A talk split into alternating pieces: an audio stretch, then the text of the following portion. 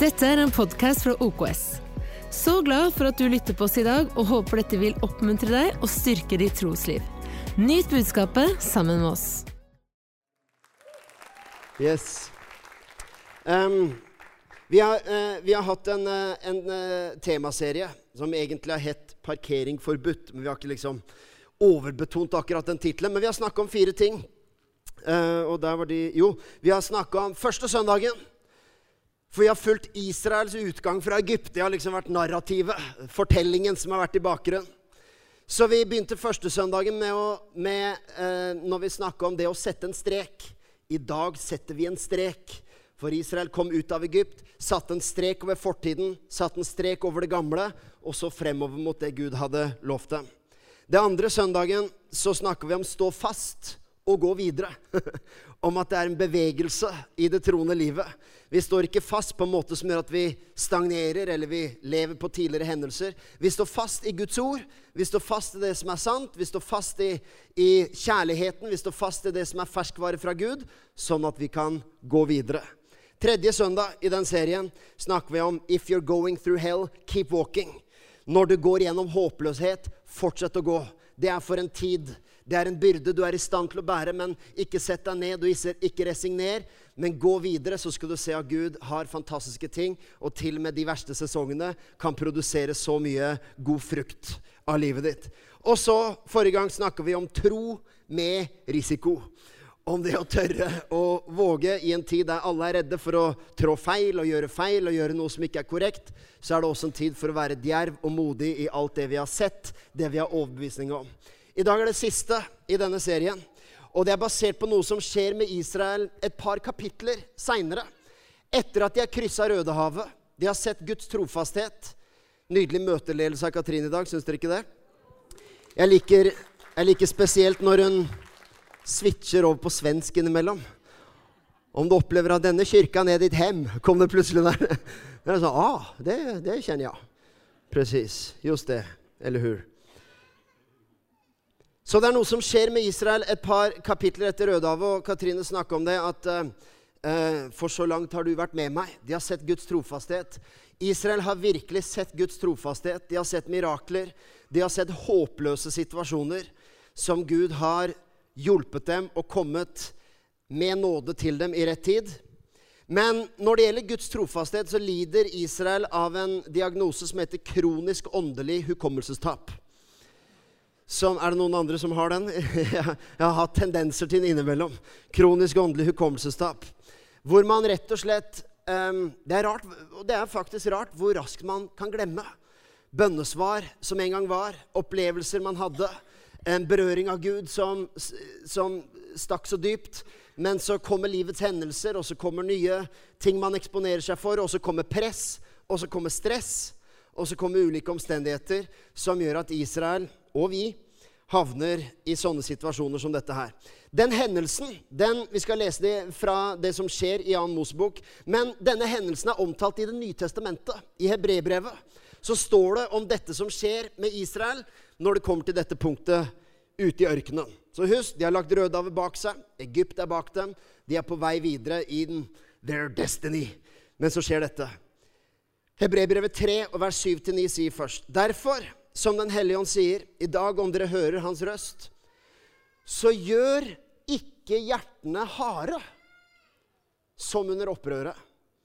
Den dagen de utfordret meg i ørkenen, der utfordret fedrene deres meg. Og hør, Vi kan si at jo, men det var Gamle testamentet. I dag er vi alle nye skapninger, og alt går på skinner hele veien så lenge vi bare eh, ser på Jesus. Vel, det står at de er et forbilde og et eksempel. Og dette er skrevet til nytestamentlig trone om gjør ikke hjertene harde, sånn som de gjorde.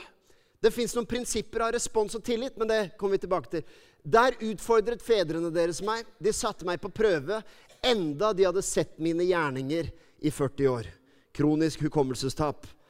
Videre, vers 12 er det vel, eh, til 14. Se til, søsken, at ingen av dere blir onde og vantro i hjertet. du er spent på hva jeg skal snakke om i dag? Se til at ingen blir onde og vantro i hjertet. Og faller fra den levende Gud.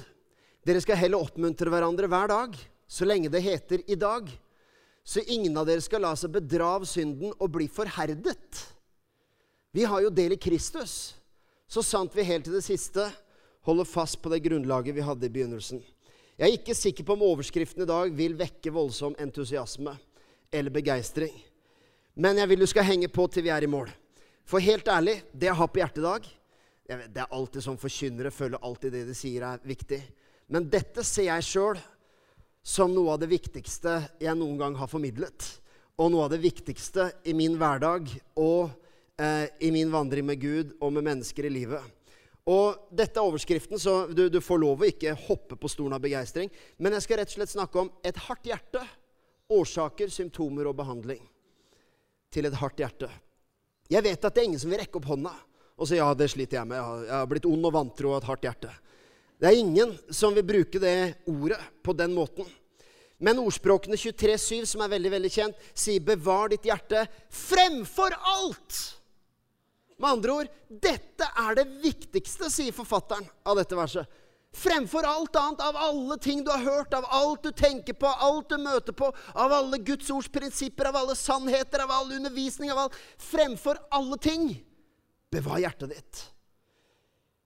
Når vi hører om harde hjerter, så tenker vi gjerne på litt sånn slemme folk. Hvem tenker du på når du, når du tenker på noen med et hardt hjerte? Skal vi ta mikken og sende rundt litt? Grann? Hvem tenker man på? Jeg, jeg vet at mange man, ja, ha, Folk med hardt hjerte, det er sånne, sånne jeg har sett på TV. Brautende politikere som bruker tøff retorikk og tøff språkbruk. Det er folk som har et hardt hjerte. Usportslige idrettsutøvere. Sånne som jukser. Folk som doper seg. Det er folk med et hardt hjerte. Og noen nikker og sier ja, det stemmer. Eller kanskje jeg skal ta et ferskt eksempel. Vulgære standup-komikere er folk med et hardt hjerte. Vi hadde en her forrige søndag som mange kanskje fra utsiden, spesielt fra troneperspektiv, vil si at det høres ut som det er folk med et hardt hjerte. Og det, kan, det er ikke jeg eh, rett til å dømme i. Men det var flott å ha Dag, Sø Dag Sørås på besøk her og oppdage at bak hans rolle og bak hans karakter var det en mann med et ganske mykt hjerte. Og av og til så er det spennende å se forbi menneskers fasade, eller det man ser på skjermen, eller det man, det man ser fra en plattform, eller å bli kjent med mennesker, så kan det utgjøre en forskjell. Men vi tenker gjerne på folk som, folk som har et hardt hjerte, folk som kjempet for noe ondt. Folk som ikke var i det godes tjeneste. Her er min påstand. og Jeg skal ha en innledning som kan være litt utfordrende, men, men vi, skal, vi, skal, ende opp i evangeliet. Er ikke det bra? Så bare gled deg til slutten. Det er mer sånn uh, hvis du syns If we're going through hell, keep walking. Så hvis du syns innledningen er hell, så keep walking, så skal vi ende på rett sted. Men her er, her er det jeg har oppdaga. Et hardt hjerte.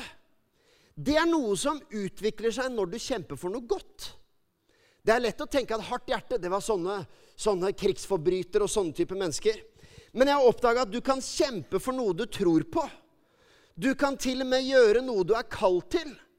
Og langs veien, nettopp fordi du også brenner for en sak, så kan du utvikle et hardt hjerte. Fordi ting ikke blir som du håpte. Eller fordi du får motstand. Eller fordi det ikke gikk så raskt som du tenkte. Eller til og med bare du har et så brennende hjerte for en sak at det hjertet til og med blir hardt for mennesker som ikke ser det samme. Er ikke det sprøtt? Et hardt hjerte kan komme i det godes tjeneste. og man kan, fortsatt, man kan fortsatt være en trivelig person og være hyggelig og til og med glad i folk. Men så fins det ting Gud ønsker å gjøre i livet men som ikke får gjennomtrenge fordi det fins noen områder hjertet er blitt hardt. Hvor det ikke lenger er mottagelig og formbart for det som er av Gud. Faktisk er det sånn at dette snakker Bibelen så mye om. Jeg vet det er en utypisk overskrift i OKS. Vi tror at vår forkynnelse alltid har gode nyheter, og det er det i dag også. Men det er sprøtt når du begynner å bla i Bibelen og søke på dette og se hvor mye Bibelen snakker om å bevare sitt hjerte, og om risiko med å utvikle et hardt hjerte. Så kan man tenke ja, Thomas, er det ikke sånn at vi, vi, i Jesus Kristus så har vi fått et nytt hjerte? Vi er nye skapninger, så hjertet mitt er rent. Vel, jeg tror det er mye å si om det. Men for det første så tror jeg at når Bibelen snakker om hjertet, så er det ofte snakk om dype tankemønstre. Det er ikke nødvendigvis din ånd at, at, den nye skapningen i deg er blitt ødelagt. Men det er i ditt tankeliv og i ditt sinn og det som Bibelen kaller hjerte. Faktisk står det flere ganger om hjertets tanker, da Jesus så hvordan de tenkte i sine hjerter. Vi vet at hjernen sitter egentlig ikke i hjertet, den sitter her. Men likevel så bruker Bibelen ordet hjerte for det som blir vårt etablerte tankemønster og våre refleksjoner osv. Derfor så står det at Jesus så deres hjertets tanker.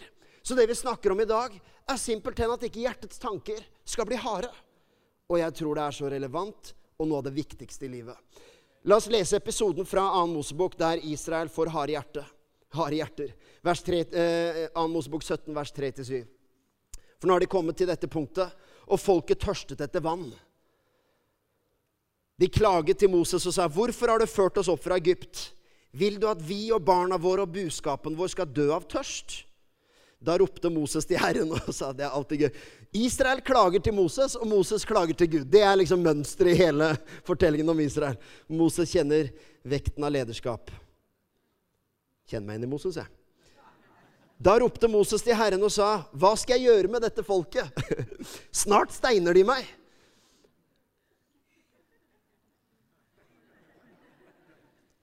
Herren sa til Moses, 'Ta med deg noen av Israels eldste og gå fram foran folket.' 'Og staven som du slo på Nilen med, skal du ta med deg når du går.' 'Se, jeg skal stå foran deg på klippen ved Horeb.' 'Når du slår på klippen, skal det komme vann ut av den, så folket får drikke.'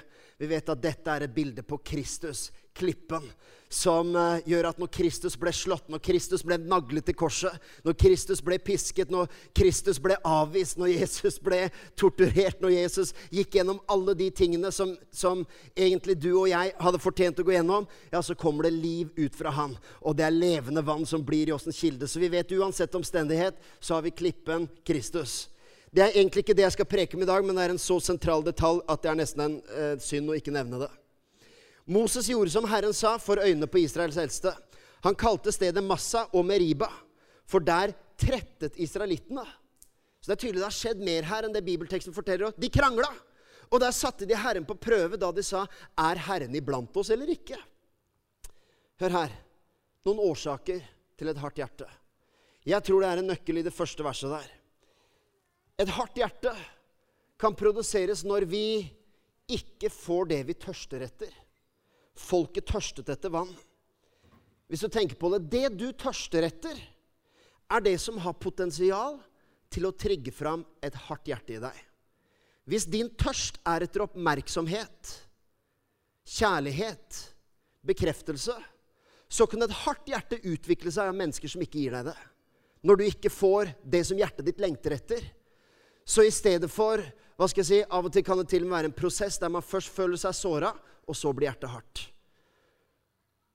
Hvis man lengter etter ens tørst er vennskap, tilhørighet, føle at man er i det gode selskap, bli invitert av de rette folkene Bare tenk gjennom hvor mange ganger har du ikke sett det mønsteret? At man prøver å komme inn, og man prøver å passe inn, og man prøver å bli populær, inntil man føler avvisning. Og så blir hjertet hardt, og så vil man aldri ha noe mer med det å gjøre. Jeg har sett dette i lederskap. Mennesker som har dyrket sine ledere som helter på en usunn måte.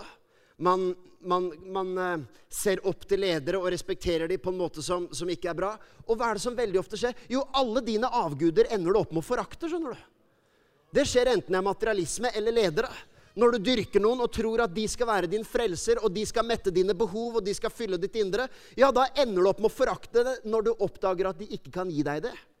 Når du lengter etter å komme inn i en venneflokk, og vi trenger vennskap, vi trenger fellesskap, men når du tror at venner og bekreftelse og å bli invitert på de rette stedene skal fylle ditt indre på den måten du lengter etter, så oppdager du at det gjorde de ikke. Så blir hjertet hardt, og du forakter dem i stedet. Samme skjer med lederskap, som sagt. Du har en forventning at de skal hjelpe deg, de skal få deg til å finne ditt kall. og de skal hjelpe deg, og Pastoren din er ansvarlig for Også når du oppdager at de var ikke din frelse, de kunne ikke være den som fyller alt i alle i deg, så kan hjertet også bli hardt. Nå er det ikke egentlig det som er betoningen her i dag. Men dette ser vi. At det mennesket tørster etter, kan trigge fram et hardt hjerte. Jeg har tenkt for min egen del. Hva er det jeg tørster etter i livet? Det er mange ting. Men jeg tenkte det er umulig å holde et sånt punkt som det er uten å, uten å by litt på meg sjøl også. Hva er det jeg tørster etter? Jo, jeg tror en ting som jeg er veldig glad i Det er mange ting jeg kan tørste etter i livet. Men en ting som jeg tørster etter, er resultater. Når jeg jobber hardt, legger ned livet. Og dette livet vi lever i vår familie, kan være altoppslukende noen ganger. Det er sånn at man, man, man, jobber på ikke fordi man prøver å bevise noe, eller fordi noen nødvendigvis krever det, men man brenner for noe. Så man legger ned livet. Og da, da er det sånn at jeg, jeg elsker å se resultater. Ikke minst tallmessige resultater, sånn jeg har alltid vært siden jeg var liten og satt, satt og lekte med sånne lekeskihopper på sofaen og noterte lengder. Og utrolig Norge vant utrolig ofte. Eh, svenskene havna langt nede. De sleit skikkelig den Ja, nå har de ikke skihopper igjen, da. Men i alle idretter som jeg drev og lekte, og så skrev jeg ned tider og resultater. Jeg har alltid, alltid elska tabeller. Jeg husker jeg leste verdenscupen sammenlagt-tabeller i skihopping, i kombinert, i skiskyting, i langrenn, i alpint, slalåm, storslalåm, super-G og utfor og kombinasjon. Eh, og jeg, jeg, visste alltid hvem som leda de ulike tabellene. Jeg har alltid elska resultater. Det, det har bare anlegg for det. Jeg kan skjønne Ronny Deila, trener for Vålerenga. Skal vi ta noen sekunders stillhet for Vålerenga akkurat nå? For de sliter. Men jeg vet også hvor hardt de jobber bak kulissene. Jeg vet at altså, Når supportere står og, og, uffer seg over at det ikke er innsats, så vet man også at jo, det kan godt være kamper der de, ikke, der de kunne gitt uh, enda mer, men vi vet også at de jobber hele uka. Er det noen som tar dette tungt, så er det dem. Mer enn noen andre. Så jeg kan skjønne når han har sagt i intervjuer at vi jobber så hardt, men når resultatene uteblir, så brukte han disse ordene Det tærer på kropp og sinn. Så jeg har et ord til deg, Deila. La ikke hjertet bli hardt.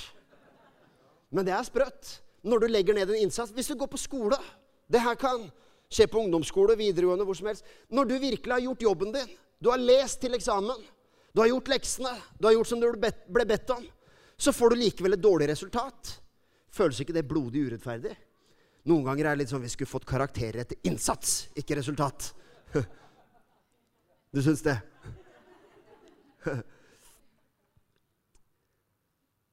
Og så kan jeg, det, det, kan på en måte være uskyldig, men hjertet kan bli hardt av alt det som man legger ned innsats for, og resultater uteblir. For et par-tre år siden så var det egentlig ganske mange ting jeg opplevde i vår, i både i menigheten og i livet og i tjenesten, som jeg opplevde at resultatene pekte i feil retning.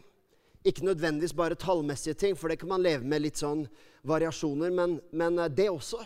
Og en del andre ting. Og det var resultater på flere områder som plaga meg, også litt mindre målbare ting. Jeg tror i den perioden at jeg lekte med tanken, bare, bare en lek oppi hodet.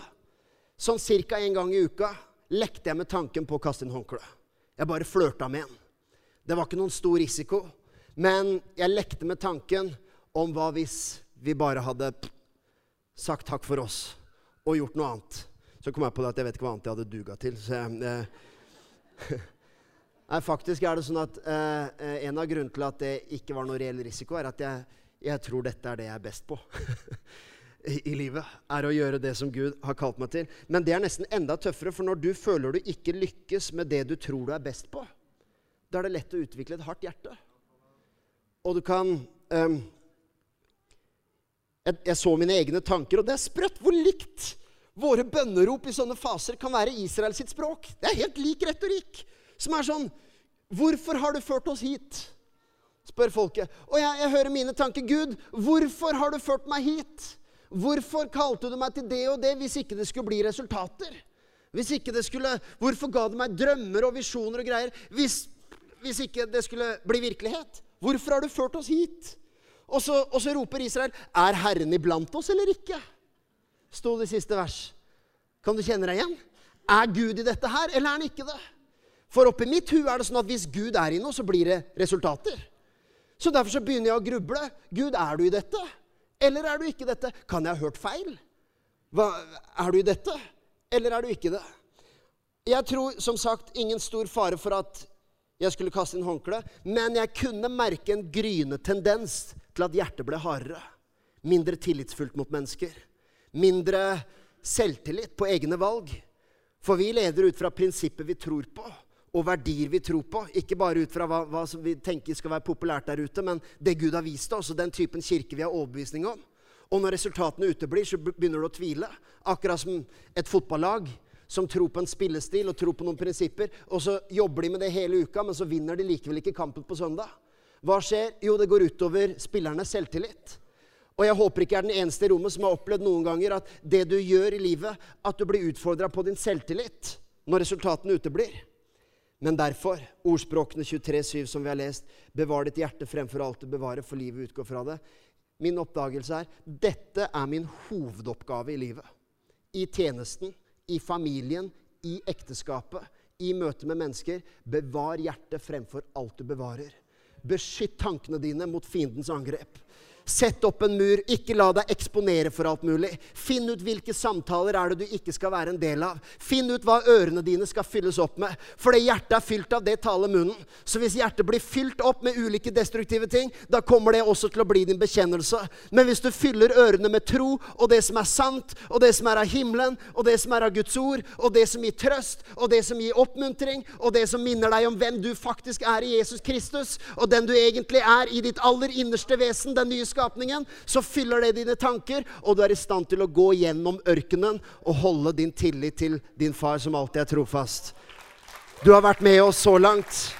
Fortsatt vil du være der. Jeg tror det ene Hvis jeg reflekterer på hva er det ene som mer enn noe annet kan utvikle et hardt hjerte hos mennesker, både meg, men, men også av det man har sett rundt seg, jo, det er urettferdig behandling. Spesielt oss nordmenn. Vi kan, bli, vi kan få veldig harde hjerter når vi ser urettferdig behandling. Når vi har gjort vårt beste, gitt det vi har. Og det, det, er nesten ekstra vanskelig når vi føler vi har et mykt hjerte, egentlig. Det føler jo de fleste. Jeg er jo en god, jeg er en god person. I bunn og grunn. Er, er det noen som ikke mener at de er det? Alle, alle mener det. Det er det som heter det godes problem, som vi har snakka om tidligere. Som gjør at det er så vanskelig for oss å forstå alle har syndet og stå uten ære framfor Gud. Det er derfor vi blir så sjokkert over oss sjøl at jeg skulle ha sånne svakheter. Nei, du skjønner, den, den andakten har jeg ikke tid å holde nå. Men det er faktisk ekstra utfordrende fordi vi alle tenker at jeg er jo en god person i bunn og grunn. Jeg har jo et mykt hjerte. Og det er nettopp derfor også Hva skal jeg si? Det er jo myke hjerter som av og til kan stå i risiko av å bli forsteina fordi man får urettferdig behandling. Jeg har et mykt hjerte, men mennesker behandler meg ikke som en som har et mykt hjerte. Så blir mitt hjerte hardt, for jeg skal, jeg skal heller respondere sånn som de andre har behandla meg eller hva det skulle være. Et hjerte som lett blir krenka. Vi lever i en tid av krenka. et hjerte som lett blir krenka. Man kan tenke at det er et mykt hjerte, en som, en som, på en måte ønsker bare det gode. Og når noen ikke sier noe snilt, så blir man krenka. Nei, et mykt hjerte er et sterkt hjerte. Et hardt hjerte er et svakt hjerte. Og et hjerte som lett blir krenka, blir også lett hardt. Jeg sier ikke at vi klarer nødvendigvis å leve et helt liv uten å bli såra noen ganger. Men et hjerte som lett blir såra og raskt blir avvist, er også et hjerte som lett blir hardt. Og kan, Jeg håper virkelig ikke at det her skaper noen eim av fordømmelse hos noen. Faktisk vil jeg si det her. Det jo, hvis du har kjent på at hjertet kan bli litt hardt noen ganger mot enkeltmennesker Kanskje du liker dette og er glad i dette, men hvis du nevner det temaet, da blir hjertet hardt. Hvis du nevner Det fins mennesker som kan ha et hardt hjerte mot enkelte ting. Nevner du innvandring, kan du se mennesker som plutselig får et hardt hjerte. Som ellers i livet går an å snakke med og føre en samtale med. Plutselig er det et hardt hjerte, og det er, det er ikke vits å føre dialog engang. For noen kan du nevne andre ting. Du kan nevne rike folk. Og det er noen som har et hardt hjerte mot mennesker som har mer enn dem. Det er en ånd som egentlig er kanskje dypest sett både en misunnelse og en mindreverdighet og en skam. Egentlig, Hvis du forakter mennesker som er rike og har mer enn deg, det sier bare mye om hvor mye du tilber penger. Hvis du føler deg mindreverdig fordi de har mer, ja, da gir du penger altfor stor verdi. Og det er derfor hjertet blir hardt. Du er rett og slett pengekjær. Men du skjønner, når du har et mykt hjerte, så er du sterk nok til å unna andre mennesker det beste. Du er i stand til å la deg til å fryde deg over andre menneskers fremgang, andre menneskers helbredelse, at andre menneskers drømmer blir oppfylt. Det er et mykt hjerte, og det er et sterkt hjerte. Og det er sånt hjerte Gud har gitt oss. Han har ikke gitt oss et hardt hjerte. Jeg vet Vi eh, går sakte frem her, men, men det var det lengste punktet. Den andre årsaken mine kampsaker. For saken er dette er at Israel kjemper jo egentlig for noe godt. De spør Moses vil du at vi og barna våre og buskapen vår skal dø av tørst. Så Israel snakker som om dette handler om familiene. Dette handler om oss. Det er jo egentlig det godes tjeneste at Israels hjerter blir harde. Og jeg har funnet ut, som jeg sa i innledningen, man kan faktisk leve for et godt formål. Man kan være pastor og bygge kirke og betjene mennesker. Og ha de beste intensjoner og utvikle et hardt hjerte langs veien. Det er fullt mulig. Det er derfor Markus 8,36 sier hva, og det, det, verset her gir meg frysninger på ryggen. Hva gagner det et menneske om det vinner hele verden, men taper sin sjel? Bevar ditt hjerte fremfor alt du bevarer. Og er, Av og til så blir vi blinde for det, for vi er, vi er, så opptatt av oppdraget vårt og alt vi skal bety for andre. Og så langs veien får vi nesten en feil type tanke der vi gjør oss sjøl til frelse for så mange. Og uten meg, jeg blir uunnværlig for disse menneskene, og jeg blir uunnværlig for den organisasjonen, jeg blir uunnværlig for det, denne kampsaken. Og så gjør kampsaken at vi får et hardt hjerte. For én ting er at du forguder andre på en måte som gjør at du til slutt forakter dem. En annen ting er også når du forguder ditt eget oppdrag på en sånn måte at du tror alt står og faller med deg.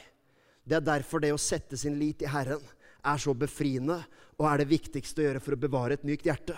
Hva gagner det hele verden? Eller en ting er når vi kjemper for våre saker, men få ting kan gjøre menneskers hjerter så harde som når vi føler vi kjemper på andres vegne. Når vi står opp for noen. Og hør her, jeg sier ikke at du ikke skal stå opp for dine venner og være der når de har tøffe tider. Og Jeg snakker heller ikke om at det, man ikke skal være med å bekjempe urettferdighet, fattigdom, menneskehandel osv. Men her er problemet. Av og til når vi skal stå opp for andre, så er det faktisk sånn at ordspråkene 23.7 sier 'bevar ditt hjerte' fremfor alt du bevarer. Er det ikke sprøtt hvor ivrig vi kan bli på å bevare alle andres hjerter? Kanskje du har hørt prekena så langt i dag, og du har tenkt ja, det her er bra, den og den får høre. De trenger vi. Nei, bevar ditt hjerte. Mitt eget hjerte. Det er derfor jeg også byr litt på meg sjøl i undervisningen her. Fordi dette handler ikke bare om at jeg skal prøve å preke til alle med harde hjerter der ute. Nei, dette, dette er noe av det viktigste livsoppdraget. Vet du, Det å kjempe på vegne av noen du er glad i, kan utvikle et hardt hjerte. Foreldre kan utvikle et steinhjerte når barna deres blir feil behandla. Jeg sier ikke du ikke skal stå opp for barna dine, men bare spør alle de som jobber som lærere. Hvordan foreldre kan utvikle et hardt hjerte når de følte ja, men sønnen min han har jobba så hardt og han har gjort leksene. Du gir han en treer i matte. Det kan utvikle et ganske hardt hjerte. Jeg er jo fotballpappa og er med som trener og lagleder på, på laget til Theodor. Og nå er Mikkel også i full gang. og Det, det er kjempegøy. Det, mesteparten av det er veldig moro. Men jeg har også sett fotballforeldre med et ekstremt hardt hjerte. Eller som utvikler et hardt hjerte når deres sønn ikke får nok spilletid. Og man kan si det er i det godes tjeneste. Barna våre. Vil du barna våre skal dø av mangel på spilletid? Men det er ikke tull. Jeg har sett foreldre nærmest fly løs på hverandre. Jeg har sett trenere og dommere. Jeg har sett foreldre nærmest i basketak på sidelinja.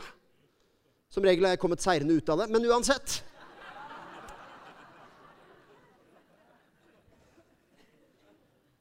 Du kan få et hardt hjerte langs veien. Det er derfor jeg sier bevar ditt hjerte også når du kjemper på vegne av andre.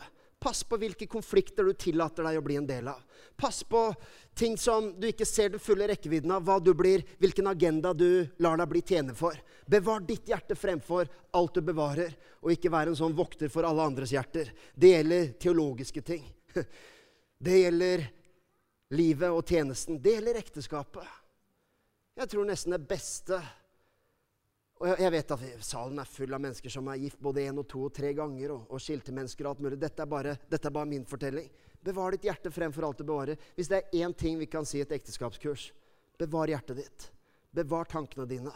Bevar sinnet mot den forsteiningen som kan skje når du føler urettferdig behandling, eller du ikke får det du tørster etter. Uinnfridde forventninger, forventninger og grubling. Jeg har ikke tid å utdype den, men det er det tredje uinnfridde forventninger og grubling. Er Herren iblant oss eller ikke? Noen ganger kan det også være noe som utvikler et hardt hjerte. Og jeg bare sier det her helt nøytralt, objektivt. Det kan være skjulte ting i livet. Synd som ikke vi har delt med noen. Ting som vi har båret på. Uvaner som ikke noen vet om.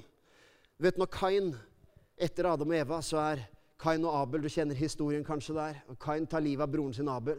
Når Gud kommer til Kain eh, og Gud spør hvor er broren din, hvor er Abel, så ser Kain ned i bakken, og det står han blir svart i blikket.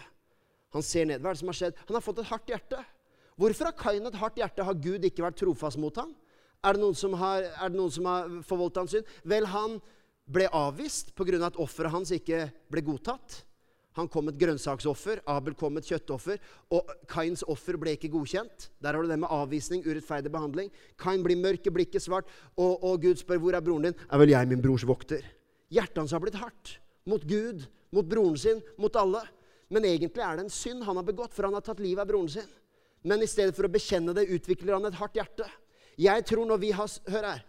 Kan jeg, du får eh, tolke det som du vil. Om ikke du syns jeg er nådefull nok, så får, så får du heller sende en mail til Jenny Lindland, vår assistent.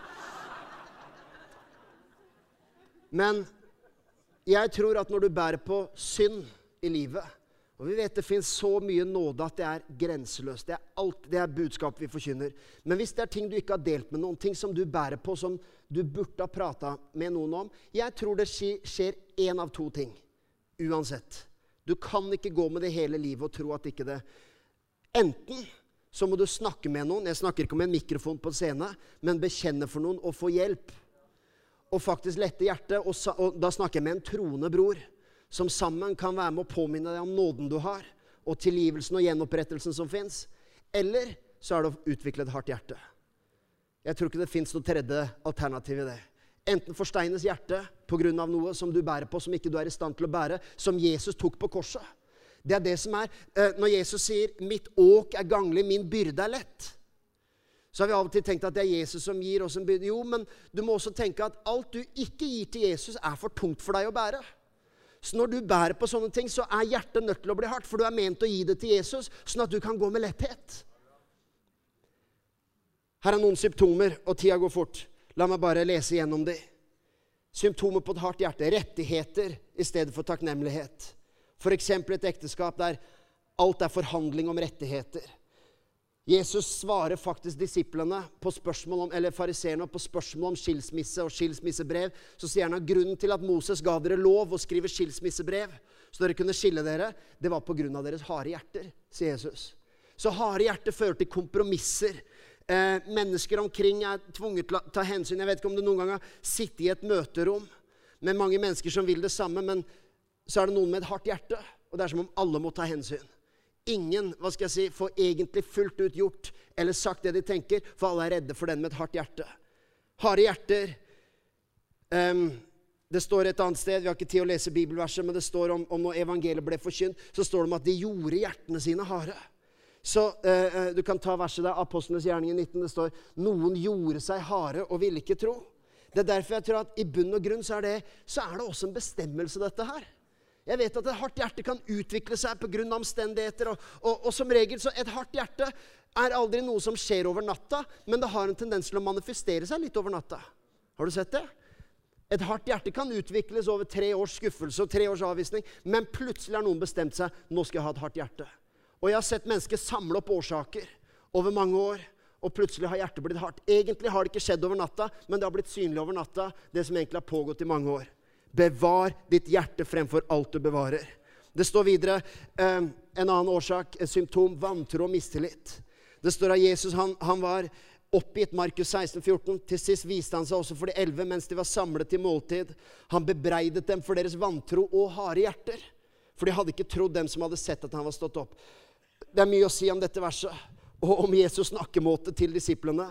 Men det Jesus gjør klokkeklart, er at vantro, mistillit det at hjertet er ugjennomtrengelig, det er ikke formbart lenger. Man lytter ikke lenger. Man har sett alt og trodd alt, eller man har, man har skjønt alt, og man, man, er ikke mottagelig. Så sier Jesus at det er pga. harde hjerter.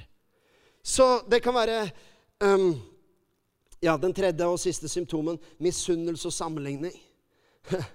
Det står sånn her, Markus 3,5.: Da han så på dem som sto omkring Det er når Jesus skal helbrede en mann med en, en vissen hånd. så står det, Da han så på dem som sto omkring, harm og bedrøvet over at de hadde så harde hjerter.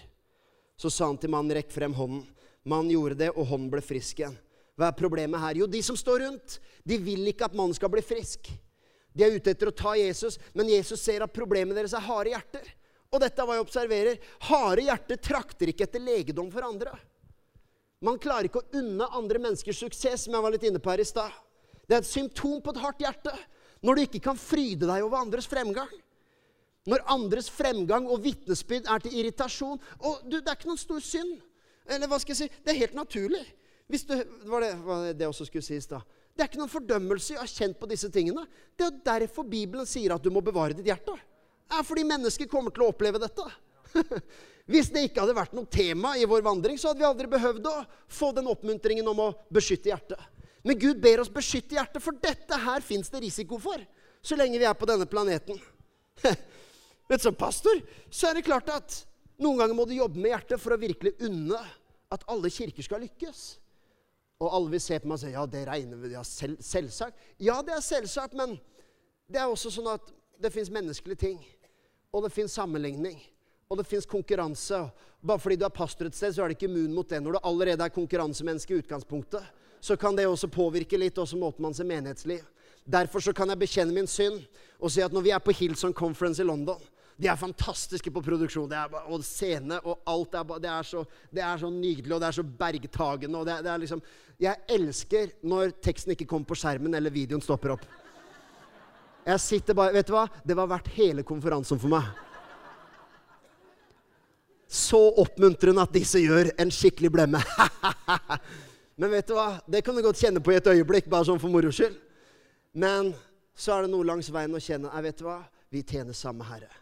Fins det noen ting bedre enn at kirker vokser, at mennesker kommer til tro, at Guds rike utbres.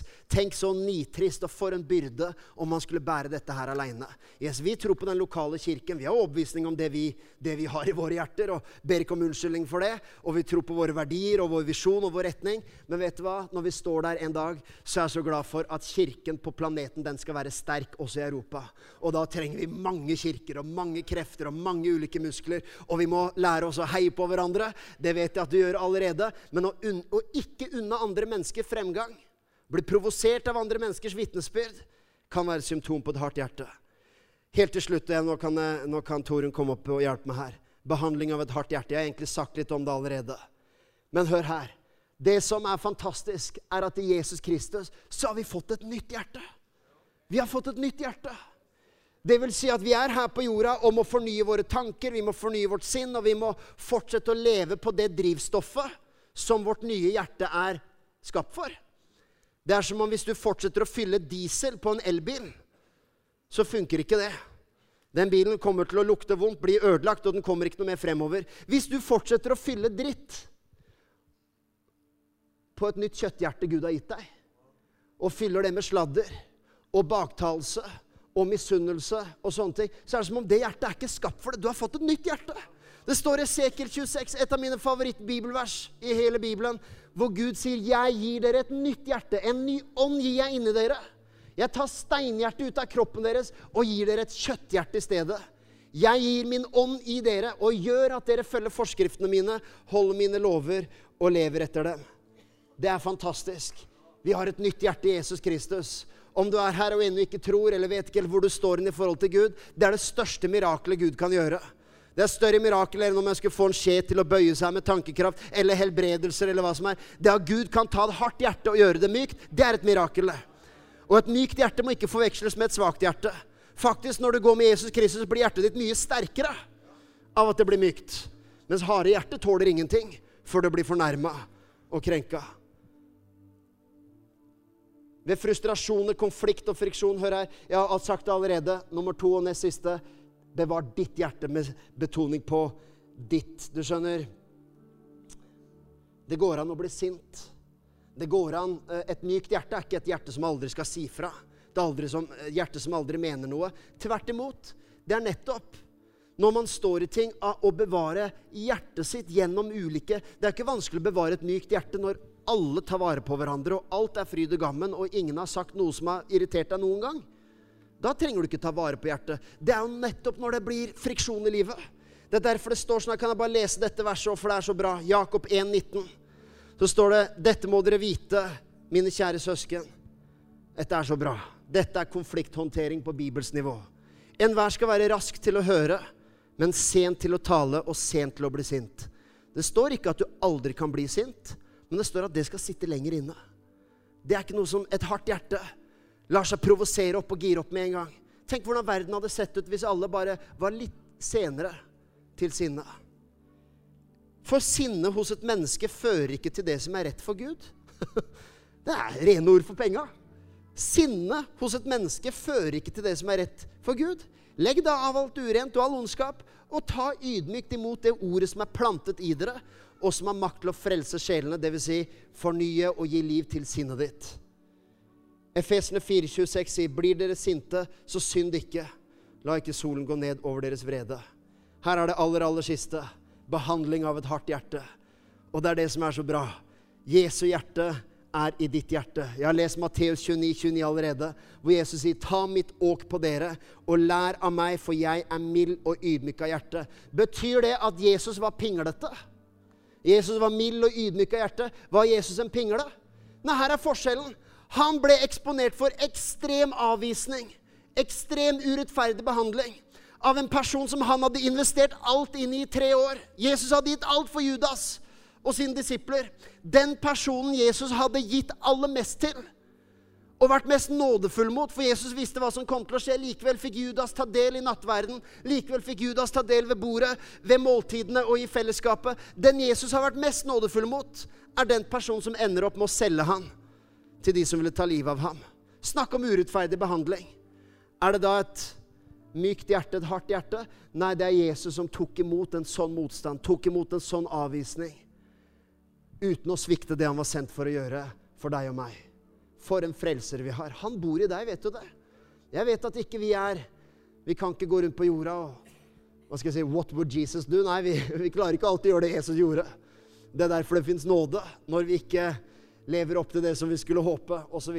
Men det er jammen meg en råsterk påminnelse at han som utholdt en sånn smerte, en sånn avvisning, en sånn urettferdig behandling, en sånn plage, han bor i oss og hans liv vil smitte ditt liv. Og det gjør at du kan vokse og bli mer og mer lik Kristus. Det betyr ikke at du blir en dum, naiv kar som bare lar alle tråkke på deg, akkurat som Jesus ikke gjorde det. Han sto opp mot urettferdighet. Han turte å ta og sette fast mennesket når hjertene deres ikke var rene. Han turte å tale. Så igjen, et mykt hjerte er ikke et svakt hjerte, men et mykt hjerte er et hjerte som ikke blir krenket, som ikke forsteines mot mennesker og mot Gud. Simpelthen et mykt hjerte er et hjerte som fortsetter å være mottagelig for det Gud vil gjøre. Det er konklusjonen. Et hjerte som fortsatt er mottagelig for det Gud vil gjøre. Grunnen til at vi ofte ikke ser vi har et hardt hjerte, er fordi vi er mykt på noen ting. Men Gud ønsker å gjøre noe. Men når man tar opp det temaet, eller snakker om den type ting, man snakker om innvandrere, man snakker om lederskap, man snakker om penger, så blir hjertet hardt. Men vet du hva? Kanskje er det der Gud ønsker å gjøre noe og fiendene, du har tillatt fienden å få lov å sette opp en eller annen mur der. Hjertet ble hardt der ute i ørkenen for Israel når de møtte på press, når de møtte på stress, når de møtte på uinnfridde forventninger. Men vet du hva? Du har Jesus i deg. Du har noe som de ikke hadde. Du har fått et nytt liv. La meg avslutte med å lese det verset her sånn. Salme 95, vers 69. Dette er bare en nydelig hymne. Kanskje noen lovsangere vil skrive melodi til denne teksten. Ikke hele teksten, da. Kom, la oss knele og kaste oss ned. Bøye kne for Herren, vår skaper. For han er vår Gud. Vi er folket han gjeter, flokken i hans hånd. Ville dere bare høre hans røst i dag? Gjør ikke hjertet hardt som ved, med, ved Meriba, som den dagen ved Massa. Det kunne blitt en fin lovsang, dere. Gjør ikke hjertet hardt som ved Meriba, som den dagen ved Massa. Kom igjen! Nei, det går ikke. Som den dagen ved Massa-ørkenen, da fedrene deres utfordret meg og satte meg på prøve, enda de så hva jeg gjorde. Du skjønner, Hymnen begynner først med en gudsrelasjon som er et formbart hjerte for hva Gud vil gjøre. Ha et mykt hjerte for hva Gud vil gjøre i livet ditt. Takk for at du tok deg tid til å lytte på en av våre podcaster fra OKS. Vår visjon er å bringe Jesus til mennesker i vår verden, og mennesker i vår verden til Jesus. Følg oss ellers på vår YouTube-kanal og sosiale medier.